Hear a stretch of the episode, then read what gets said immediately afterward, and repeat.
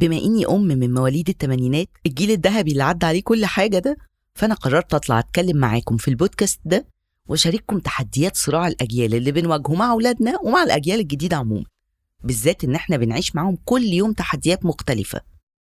ولما بنرجع للوقت اللي كنا فيه قدهم بنلاقي نفسنا مش عارفين نعمل معاهم نفس اللي كان بيتعامل معانا. أنتوا دلوقتي بتسمعوا بودكاست جيل التمانينات مع اوديوناليتي وأنا داليا الغزالي.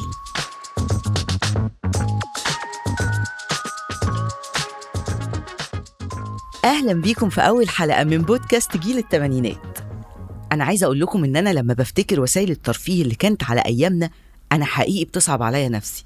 بالذات لما أولادي بيسألوني هو أنتوا كنتوا بتعملوا إيه لما ما كانش في موبايل ولا إنترنت ولا نتفليكس؟ أمال كنتوا بتقضوا وقت فراغكم في إيه؟ يعني لما بتزهقوا بتقوموا تعملوا إيه؟ رجعت كده بالذاكرة لورا وأنا عندي عشر سنين طفلة في خمسة ابتدائي خدت أجازة من المدرسة وفاضية بقى هي أعمل إيه؟ هتفرج على التلفزيون مثلا. التلفزيون. أهو التلفزيون ده قصة لوحده.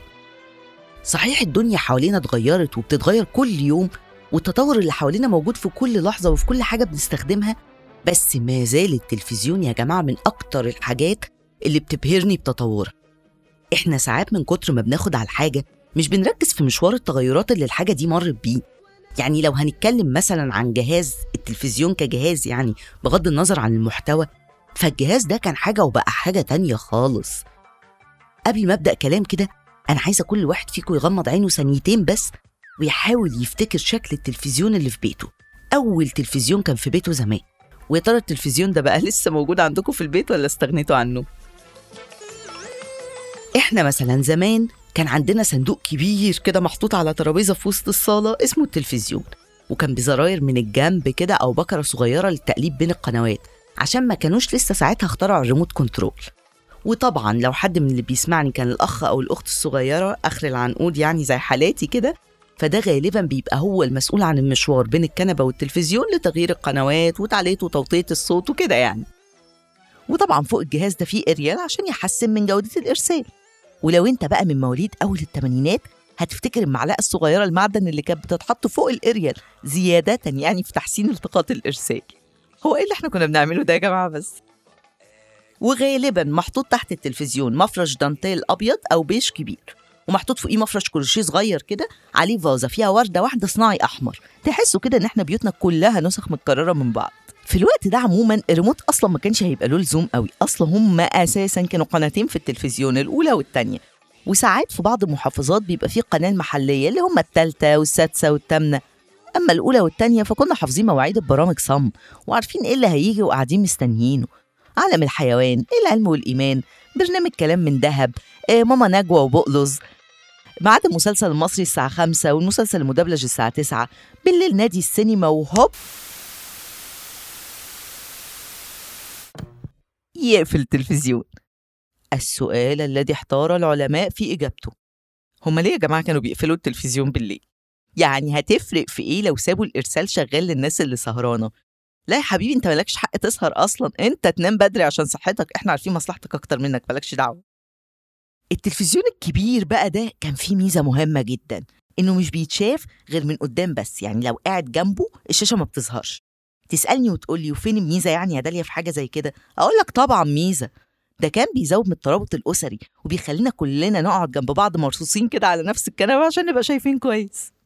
وطبعا السهرة المفضلة لمعظمنا كانت سهرة يوم الخميس بالليل لما نأجر فيلم فيديو من نادي الفيديو اللي كان فاتح تحت بيت كل واحد فينا. يا بقى على كمية الأفلام الخطيرة اللي ما بتتنسيش أبدا.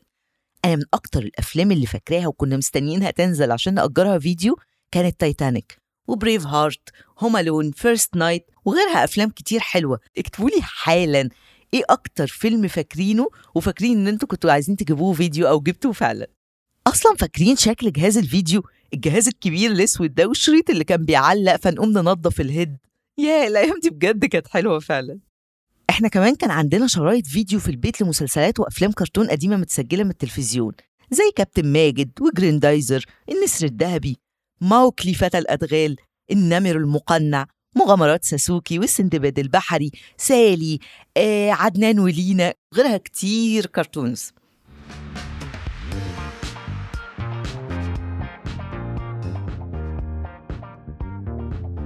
عايز أقول لكم بقى إن التلفزيون الكبير ده عاش مع أهالينا سنين طويلة وما اتغيرش لكن معانا إحنا ما استمرش كتير بالذات مواليد النص التاني من الثمانينات. لأنه التطور بدأ يظهر قبل دخول القرن الواحد وعشرين بشويه وبدأت التلفزيونات حجم صندوقها يصغر ومساحة الشاشة تكبر وطبعا ده ظهر أكتر مع اختراع الدش الريسيفر يا جدعان. اختراع بجد. أنا فاكرة إن إحنا أول مرة ركبنا الدش كان ليلة راس سنة 2000 ويومها كان شغال على قناة دريم برنامج أستاذة هالة سرحان مع الفنان سمير صبري. وبعدها بقى بقينا بنشوف براحتنا أفلام أجنبي ومسلسلات طول اليوم على MBC وقنوات الأغاني اللي كانت طول النهار تعرض الفيديو كليبات بعد ما كان زمان قبل الدش.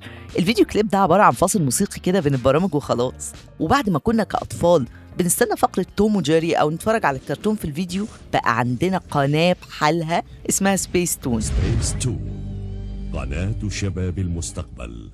وسبيس تون دي بقى حكاية. تلاقي أغلب جيلنا حافظ أغانيهم كلها. أنا أكتر أغنية بحبها ولسه لحد دلوقتي بغنيها وساعات بدندنها كده وحافظاها صم كانت أغنية عهد الأصدقاء وأغنية ريمي كمان. اكتبوا لي كده في ال comments أنتوا إيه أكتر أغنية فاكرينها من سبيس تون أو أكتر كرتون كان مأثر فيكم ولسه بتحبوا تتفرجوا عليه؟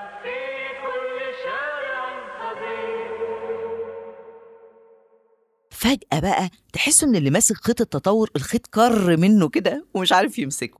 تلفزيون عمال يرفع يرفع وشاشته تكبر ويتحط عليه اختراعات و sound system و 3D وريسيفرات حجمها يصغر وقنوات عددها يزيد وإحنا مش ملاحقين نشتري الجديد عشان نلاقي الاجدد منه نزل. التطور اللي في الجهاز ده صاحبه تطور ملحوظ جدا في المستوى. يعني إحنا زمان مثلا كنا بنتفرج على أستاذ أحمد عبد العزيز وهو متنكر من إخواته بإنه مركب شنب. هو مصدق إنه متنكر. واخواته مصدقين والمخرج مصدق. فبالتالي إحنا كمان كمشاهدين صدقنا وتأثرنا وعيطنا كمان.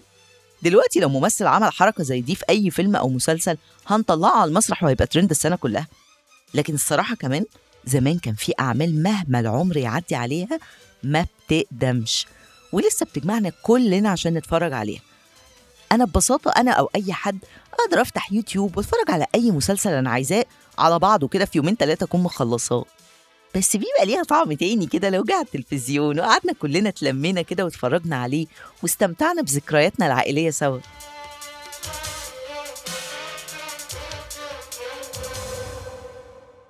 من الحاجات كمان اللي ما اتغيرتش كتير يعني زمان عن دلوقتي هي برامج أول يوم العيد. لازم في العيد نتفرج على مسرحية العيال كبرت ومدرسة مشاغبين. تخيلوا إني مرة بتكلم مع أصحابي مش مصريين لقيتهم كمان بيستنوا نفس المسرحيات دي في العيد. تحسوا إنها تشكيل الجيل بحاله يا جماعة؟ طبعا ولادنا زادت اختياراتهم وبقى عندهم حاجات كتير يتفرجوا عليها وبقينا إحنا مرعوبين عليهم من كتر الانفتاح على ثقافات مختلفة ملهاش أول من آخر. ربنا يستر عليهم بجد. أنا بيصعبوا عليا العيال دي. بحس إنهم من كتر الرفاهية اللي في حياتهم والاختيارات الكتير مش عارفين يستمتعوا بالحاجة قد استمتاعنا زمان بالحاجات البسيطة. غالبا البساطة دايما بتكسب. ولا إيه؟ في كل مرة هنحكي حاجات فرقت جيلنا عن الأجيال الجديدة وإزاي نستغل الحاجات دي في تربية ولادنا قبل ما هم اللي يربونا. مستنية أسمع آرائكم وحكاياتكم في الكومنتس عشان نتكلم عليها في البودكاست اللي معمول مخصوص علشانكم ده جيل التمانينات. استنوني في الحلقة الجاية جيل التمانينات مع داليا الغزالي على أوديوناليتي